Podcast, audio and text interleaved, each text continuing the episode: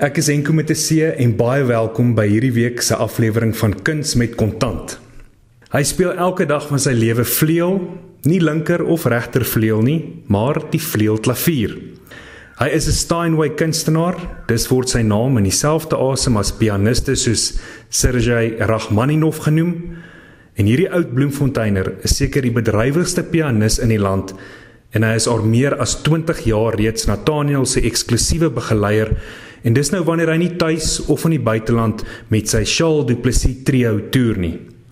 Dr. Charles Duplessis, baie welkom op Kuns met Kontant.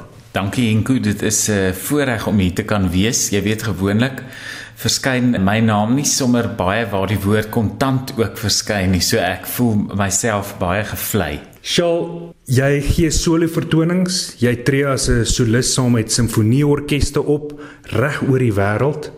Gesels met my oor wanneer jy daai kontrak aangaan met daardie kliënte en hoe jy jou fooi bepaal want ons het vroeër gesels en iemand het eendag vir jou gesê dat jy moet dit meet aan drie vrae wat jy aan die voornemende kliënt stel. Dis heeltemal reg. Jy weet, een soort kunstenaar het net een fooi en good luck to them. Ek is nie een van daai nie. Jare terug hierdie pianis Albie van Skalkwyk vir my gesê mens vra drie goeters as iemand jou bel. Jy vra waar en hoe laat. Die tweede vraag is wat moet ek speel en die derde vraag is wat is julle begroting?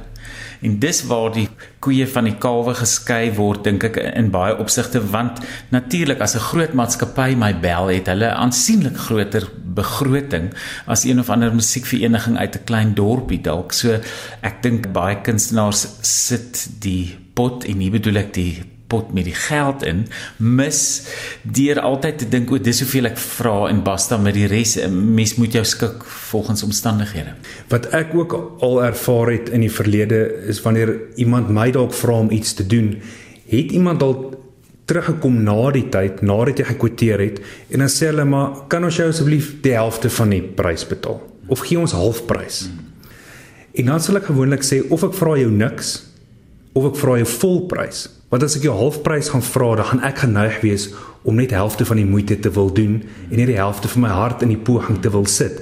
So eerder niks nie, want dan is daar nie 'n te hoë verwagting van my nie en dan kan ek soveel gee as wat ek wil of ek vra jou volprys en dan gee ek vir jou alles. sien daar leer ek nou nog iets. Ek het nie besef dat natuurlik hierdie twee verband en dis 'n aardig daar was al gevalle gewees Henko waar daar 'n konsert navraag is waarvoor ek glad nie lus is nie en dan maak ek die prys dubbel of baie hoër as wat ek normaalweg sou.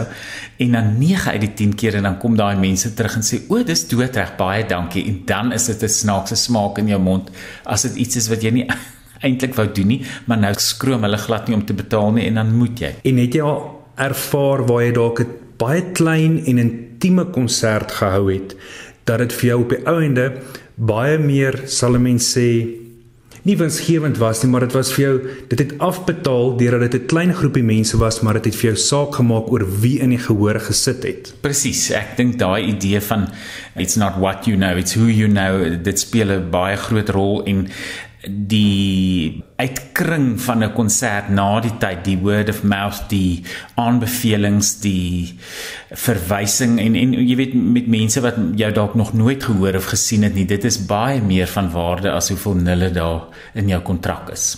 Ons sit nou hier by drie pragtige Steinway vleuelklaviere in jou huis of in jou tuisateljee Die een vleuelklavier is verpak want hy gaan altyd op die pad saam met jou. Mense kan sien hy's slaggereed om net gelaai te word. Maar jy was die jongste Steinway kunstenaar in Afrika wat aangewys is.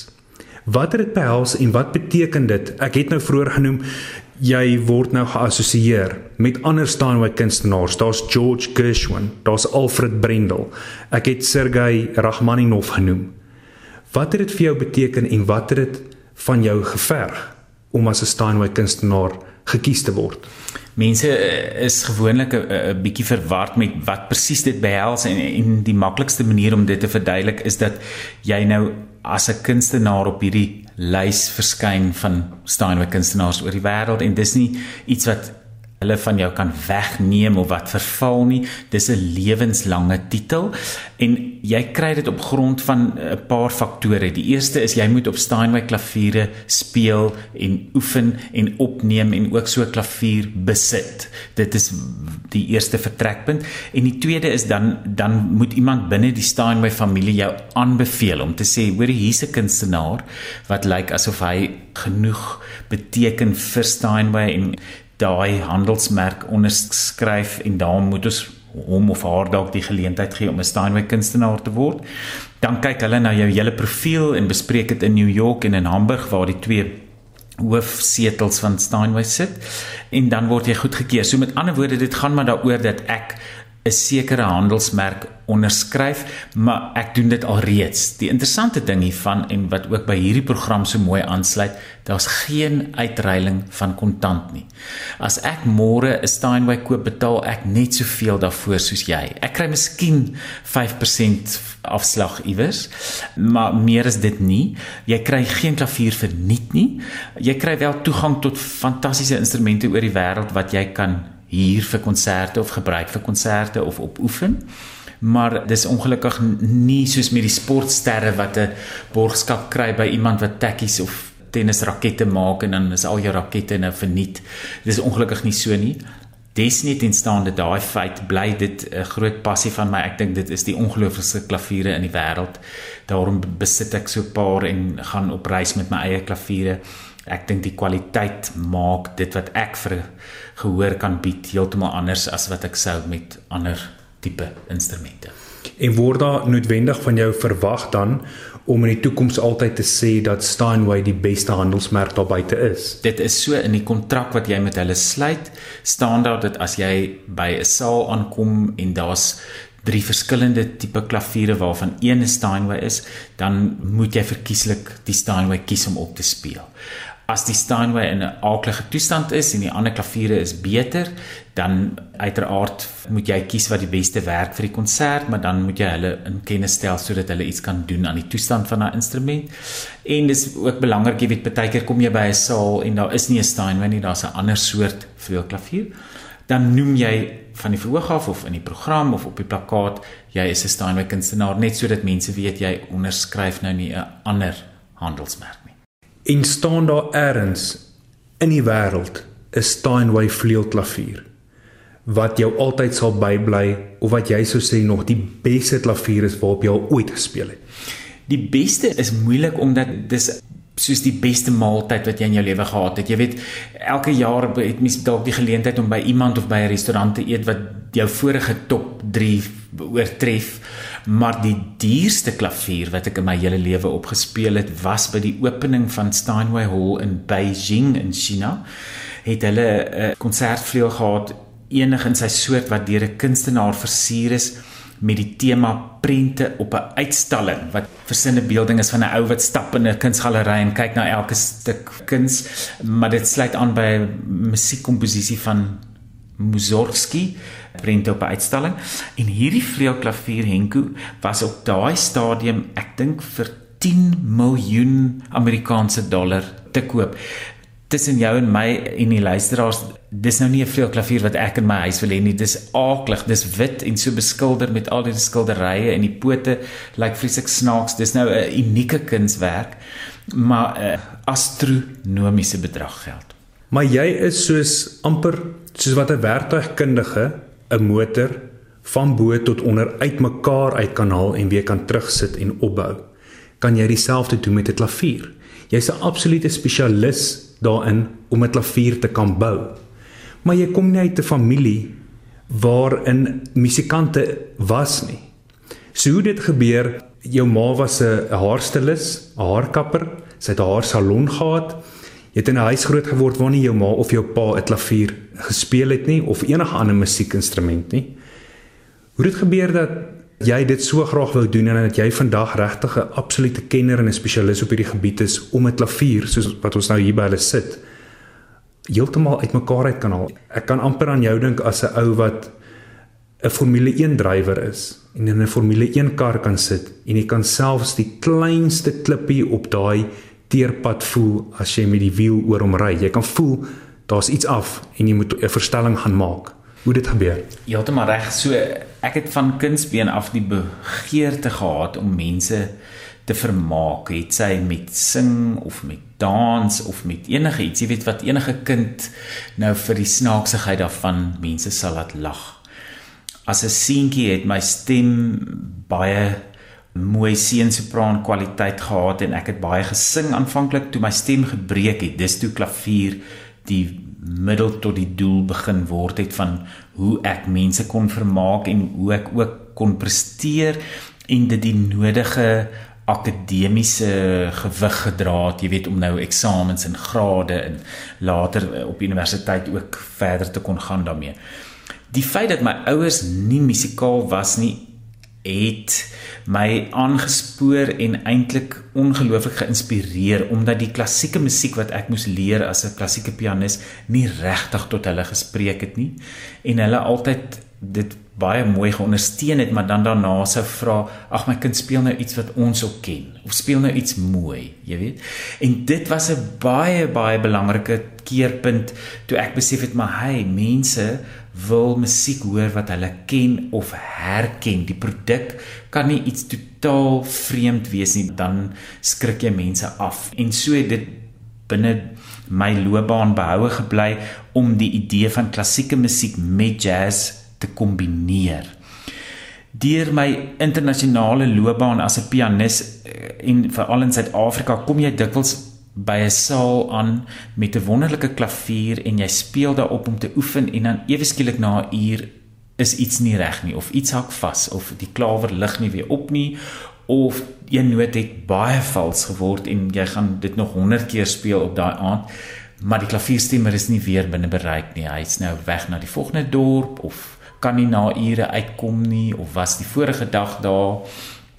En daai frustrasie het my genoop om meer te wou leer hoe om klaviere self reg te maak of in stand te hou en toe gelukkig met die pandemie toe Covid aanbreek en al die konserte tot stilstand kom en toe ek meer as genoeg tyd om uiteindelik hieraan aandag te gee. En ek kon toe in Kaapstad en in Switserland leer by ongelooflike klaviertegnikuste wat my alles kon leer en en jy weet vanuit die oogpunt van 'n pianis, jy ken die instrument reeds goed. So dis nie asof jy by nul begin nie. Jy verstaan ook baie beter as jy speel hoekom goed is soos wat dit is en voel soos wat dit voel en uiteindelik klink soos wat dit klink.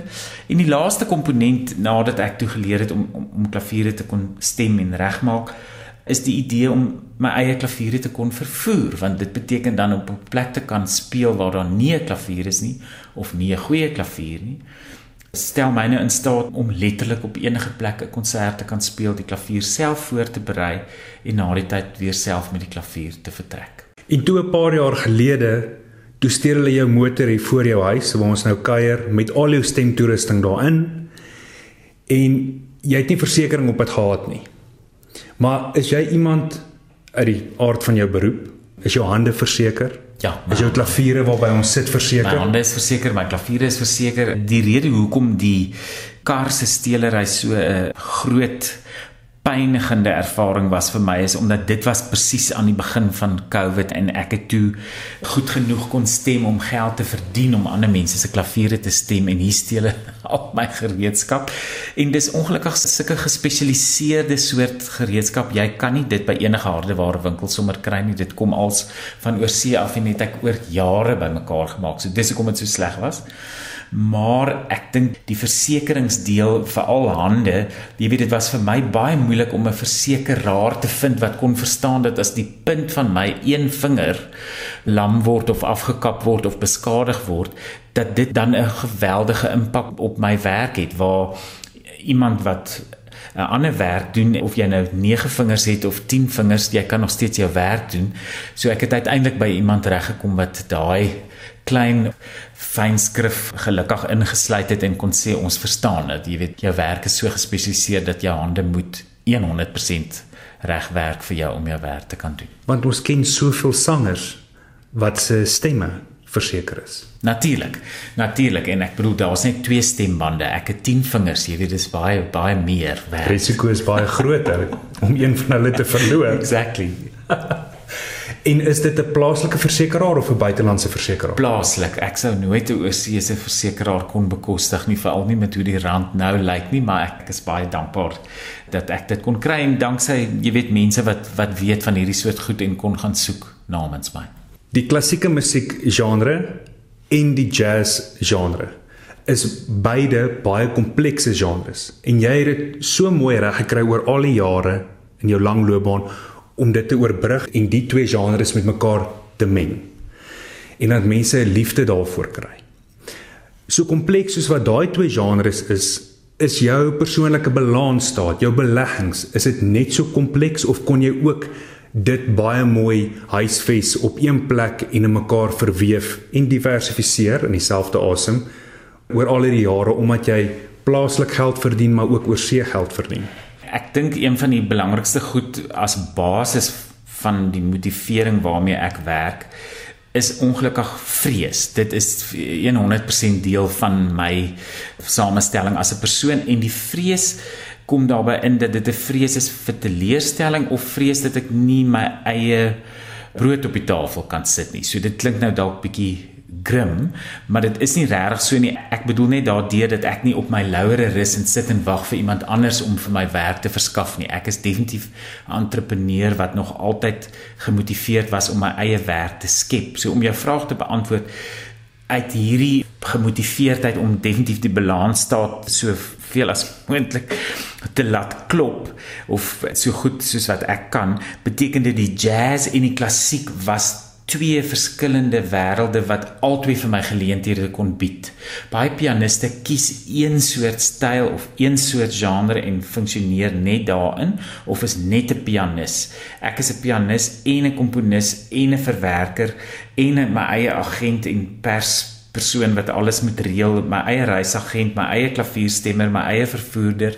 So so dit alles bring natuurlik geld in na dieselfde sentrale punt toe waar iemand anders eh, mense moet betaal om dit vir hom of haar te doen.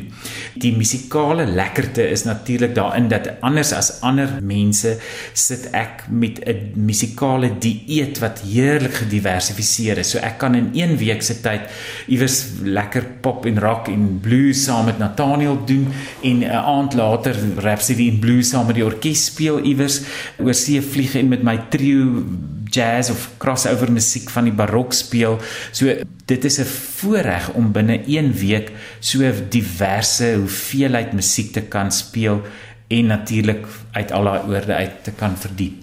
Wat ek daar by jou aflei is dit is so goed soos 'n chef wat vir die een stel kliënte een aand curry en rys moet kan bedien maar by die volgende restaurant op 'n week daarna moet hy sushi moet kan bedien. Presies, daai diversifisering is iets wat in Suid-Afrika dink ek vir ons nie so buitensporige idee is nie, maar oor see is dit geweldig omdat pianiste of musisië of kunstenaars daar definitief meer gespesialiseerd in net een rigting kan werk en dan met die hulp van groot feeste of agente of uh, mense wat alles vir jou doen uh, eintlik net op die musiek kan fokus ek ek dink dis 'n uitstaande kenmerk van baie kollegas van my in Suid-Afrika in jazz en klassieke musiekwêreld is ons werk meer gediversifiseerd as akademici as uitvoerende mense soos ek sê komponiste verwerkers dis baie keer nodig.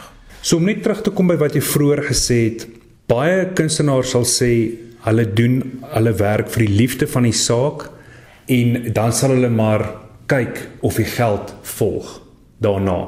Ek dink 'n mooi manier om dit al te beskryf is amper half 'n Spartaanse leefwyse. Ek sal vat wat na my toe kom op die dag van môre en ek sal kyk wat die dag van môre oplewer en ek sal gelukkig wees net solank ek vir die liefde wat ek het vir hierdie kuns dit te doen. Wat ek by jou aflei is daar was tog daai vrees wat jou gedryf het, maar is 'n gesonde vrees wat jy omskep in 'n gesonde energie om elke dag jou werk te kan doen wat dan die geld se laat volg. Verseker en en soos ek net of jou genoem het toe ons aanvanklik gesit en gesels het, die dag toe ek vir my pa en ma sê ek dink ek wil musiek gaan swat was my pa so geskok en bekommerd alhoewel dit te verwagte was dat ek in so 'n rigting sou gaan Hy was bekommerd, waarvan gaan ek leef? Gaan ek genoeg geld hê? Gaan ek 'n sekere lewenstyl wat ek miskien aangewoond was in die huis kan handhaaf en en ek dink dit speel ook tot vandag toe nog 'n baie groot rol. Jy weet my identiteit is wat ek doen. Ek is 'n pianis, ek is 'n uitvoerende kunstenaar en as dit nie goed gaan met my loopbaan nie, wie is ek? As ek nie verdien nie en nie die boeke kan laat klop nie. Dis baie meer persoonlik as iemand wat by 'n groot maatskappy werk as 'n persoon 1121 op die lys van aangestelde mense daar en dan ewe skielik gaan dit bietjie slegter met die maatskappy of beter met die maatskappy. Jy neem dit nie persoonlik op nie.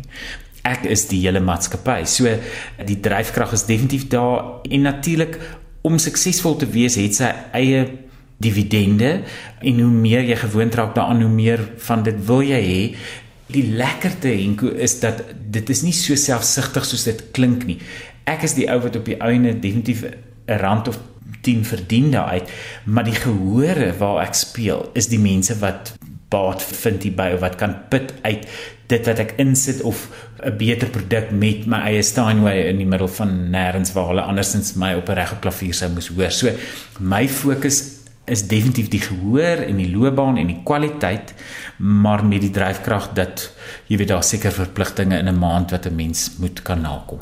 Gepraat van verpligtinge in 'n maand, finansiële verpligtinge, het jy in 'n huishouding groot geword waar daar 'n konstante inkomste stroom was of was daar tye wat dit baie goed gegaan het of baie sleg gegaan het? Ek dink hierdie is die eerste keer wat ek in 'n onderhoud hieroor praat. So as my ma luister en haar tong insluk, moet ek net om verskoning vra, maar sy was as die haarkapper in ons huis met verskeie haarsalonne en later net een die standhoudende inkomste wat altyd daar was. Dit was fenomenaal hoe suksesvol en bekend sy was in Bloemfontein. My pa het as 'n onderwyser begin en besef dit is vir hom te beperk en toe hy as 'n sakeman al wat 'n projek is aangepak om daai potgoud aan die einde van die reënboog te kon raak vat. Dit het beteken dat party maande was daar gelukkig heelwat geld in in die huis en ander maande feitelik niks nie en dan was my ma se inkomste ons behou dit het die voordeel gehad Henko dat ek as 'n kind blootgestel kon word aan alles van die grandste tot die goedkoopste tot die armste tot die beste. En dit maak natuurlik vandag in my lewe dit wonderlik om te kan reis of voor van die mees bekende of rykste sakemanne of sterre in Suid-Afrika te kan klavier speel of by 'n ouer huis waar iemand dalk R3 op hulle naam het, wie gee om almal se integriteit en se belangstelling in musiek en liefde vir wat mens doen is op die ouene waar dit gaan. Maar ek sal my ouers altyd dankbaar wees vir die blootstelling en dat ek nie vandag in situasies kom waar ek dink, "Wow, ek het dit nog nooit ervaar nie. Dis vir my vreemd of nuut." Ek is gelukkig dat ek baie goed kon sien en ervaar.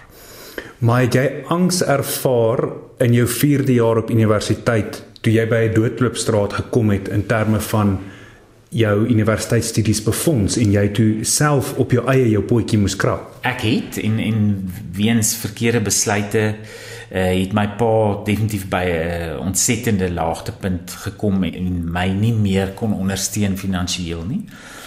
En jy sal dit nie glo nie, dit is so ongelooflik geweest dat omtrent 'n maand nadat ek besef het dit is nou hoe dit is en my planne om nou ewe skielik 'n skuif Londen of Amerika toe te maak om daar te gaan swat is verby omdat daar nie geld is daarvoor nie. Ek hierdie oproep gekry het van Nathaniel om te vra hy soek 'n nuwe pianis.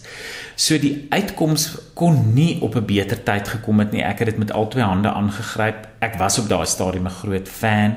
Ek het net nie geweet of ek fisies as pianis in staat sou wees en ervare genoeg sou wees om dit te kon doen nie. Maar gelukkig weer eens die honger en die moed en die dryfkrag en die motivering was daar om te kon aanpas en nou 23 jaar later nog steeds hierdie werk met ongelooflike vreugde te kon doen en te kan doen. En Nathaniel wat my soveel geleer het van om 'n besigheid te ran, om jou eie baas te wees, om jou eie produkte verkoop en uniek te kan bemark. En ook sy werksetiek wat so fantasties is dat hy die gehoor nooit onderskat nie. Altyd bly vernuwe, altyd bly skep en ongelooflik hard werk. Jy weet dit kom nie maklik nie. Daar gaan ure se voorbereiding in in beide wat ek doen en wat hy doen. En wat ek die dankbaarste vir is in my verhouding as werks persoon en kollega met Nathaniel is dat hy buiten die werk wat ons saam doen my ook gun om goed op my eie te kan doen, my eie projekte en dat hy nie sê nee, daar is nie tyd nie, jy moet nou net vir my speel. Ek waardeer dit ongelooflik en dit maak my ook meer gerus dat as Nathaniel die dag besluit hy wil nie meer optree nie of hy fisies nie meer kan nie vanweë 'n onvoorsiene omstandighede dat ek op my eie twee bene kan staan finansiëel. Maar jy moet jouself ook krediet gee want 23 jaar gelede moes jy opgedaag het.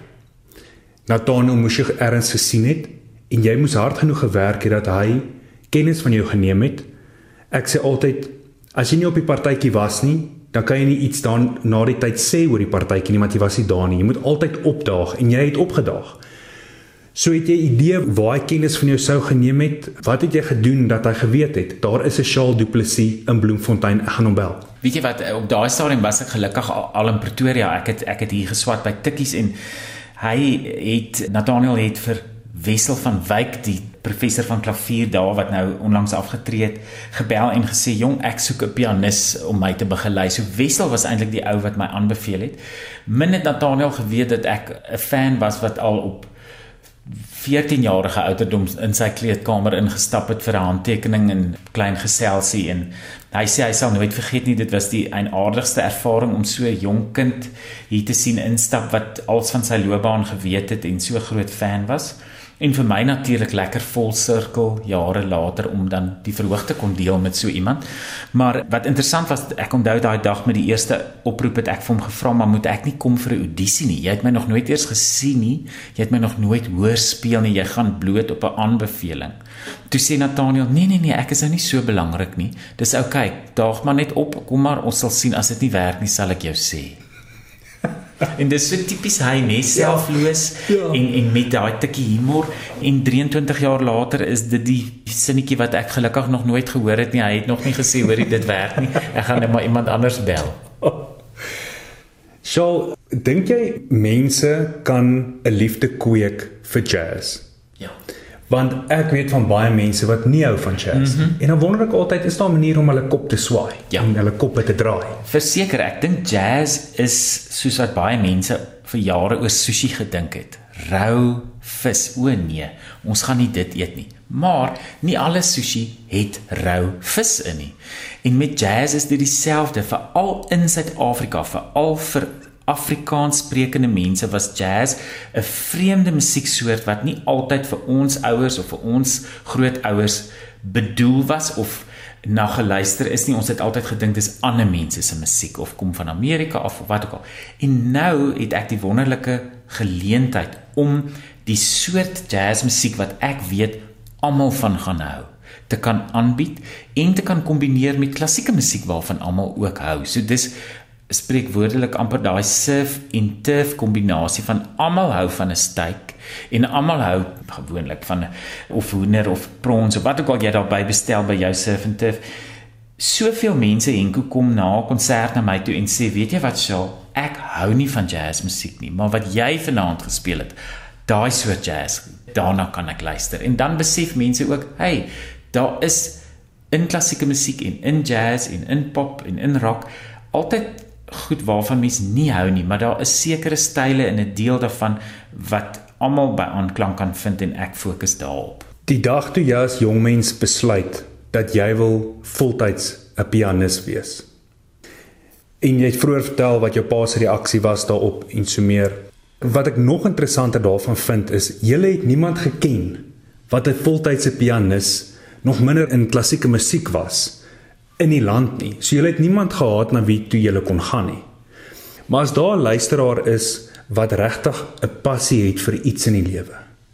Sou jy vir daardie persoon sê, gaan probeer dit op die kantlyn na uurs, kyk wat kom daarvan, volg jou passie na uurs, doen jou voldag werk en laat die een die ander een stelselmatig oorneem soos wat jou stokperdjie vlam vat. Of sou jy sê, gaan pens en potjies, volg jou passie Want jy het dit gedoen. Jy het voltyds gegaan vir dit waarvoor jy lief was. Dit is so ek gaan nou jou vraag antwoord oor wat ek vir 'n luisteraar sou sê daar buite. Ek onthou baie mooi die oomblik na hierdie gesprek met my pa toe ek besluit het ek gaan musiek swat, het ek vrede gemaak daarmee dat ek nooit eendag geld gaan hê nie. Dit was so 'n aardige besef en ek onthou dit nou nog. Ek het in my geestesoog gesien ek gaan in hierdie klein woonstelletjie bly iewers bo in die middestad en ek gaan sulke taai daai klere wat basies net sweetpakke is dra en so boheemse leefstyl hê met baked beans en kersse en dis net maar wat dit gaan wees, maar op daai stadium was my passie vir die musiek, vir die inhoud, vir die skepende deel daarvan of die uitvoerende deel daarvan so sterk, ek het nie omgegee nie. Gelukkig het ek algaande agtergekom as jy hard werk, dan is daar geld en ek het dan 'n paar beter outfits as 'n tie-dye en kon waar woon en hierdie klaviere en goeders vir myself moontlik maak. Vir die luisteraar daar buite wat wonder daaroor. As studente ek gee ook by tikkies klas en deeltyds vir klavier en as daar mense na my toe kom met kinders wat sê hoorie dis hier's ons seun hier's ons dogter. Ons weet nie moet hy of sy nou musiek swat nie. Dan vra ek altyd is daar iets anders wat jy kan swat? Ja hy wil eintlik medies of sy wil eintlik rekeningkunde wat ek al. Dan sê ek gaan swat medies. As daar iets anders is gaan. Vir my was daar niks anders nie. Of ek is te dom of ek is te gefokus gewees op wat ek wou doen ek het nie omgegee nie. Daar was geen ander keuse by my nie jy moes op daai vorm 'n tweede keuse skryf toe ek vir die grap sielkunde geskryf want iemand het gesê dis interessant. Maar enko ek dink as jy 'n ander opsie het wat vir jou finansiële sekuriteit kan gee by al mens doen dit. Hou musiek of die kunste as 'n stokperdjie en as dit eendag so belangrik word dat jy dit kan kombineer of die een die ander een verplaas altyd. Maar ek dink die verwyd as jy weet o jy kan eintlik 'n tandarts wees wat on the side sing en so gelukkig wees. Dis 'n ander setup. Vir my was daar geen keuse nie. Dit was musiek of niks en ek dink altyd musiek het my gekies. Ek het nie musiek gekies nie. Charles Duplessis, ons is so dankbaar dat musiek jou gekies het. Eerskomende maandag is Kersdag. En het jy dalk iets uit jou Kersmusiek skat? Kan jy dalk gaan delf van jou Kersmusiek skat? En dalk vir ons ietsie speel in die aanloop tot Kersdag, eerskomende Maandag asseblief. Henko, ek sal dit met die grootste liefde doen. Jy weet, Kersmusiek wat in ander tale vertaal is of van oorsee afkom, ken almal oor die hele wêreld, maar daar's 'n paar melodieë wat ek as kind onthou en een daarvan wat by my elke Kersfees kom klop aan my deur want dit is vir my so mooi melodie. Ek kan nie genoeg daarvan kry nie. Is daai ou Halleluja lied Bethlehem ster. En in my beroep verwys party mense partykeer na my as 'n ster. Ek dink glad nie so nie. Maar hierdie is definitief 'n ster waarmee ons almal op Kersdag kan assosieer en dankbaar voor kan wees. So ek speel graag vir jou en die luisteraars Bethlehem ster. Sjoe, du plesie baie dankie dat ek so lekker by jou aan huis kon kuier. Ek waardeer dit en 'n geseënde Kerstyd vir jou en al jou geliefdes en 'n geseënde Kerstyd aan al ons luisteraars. Dankie Enko vir jou ook en vir al die luisteraars.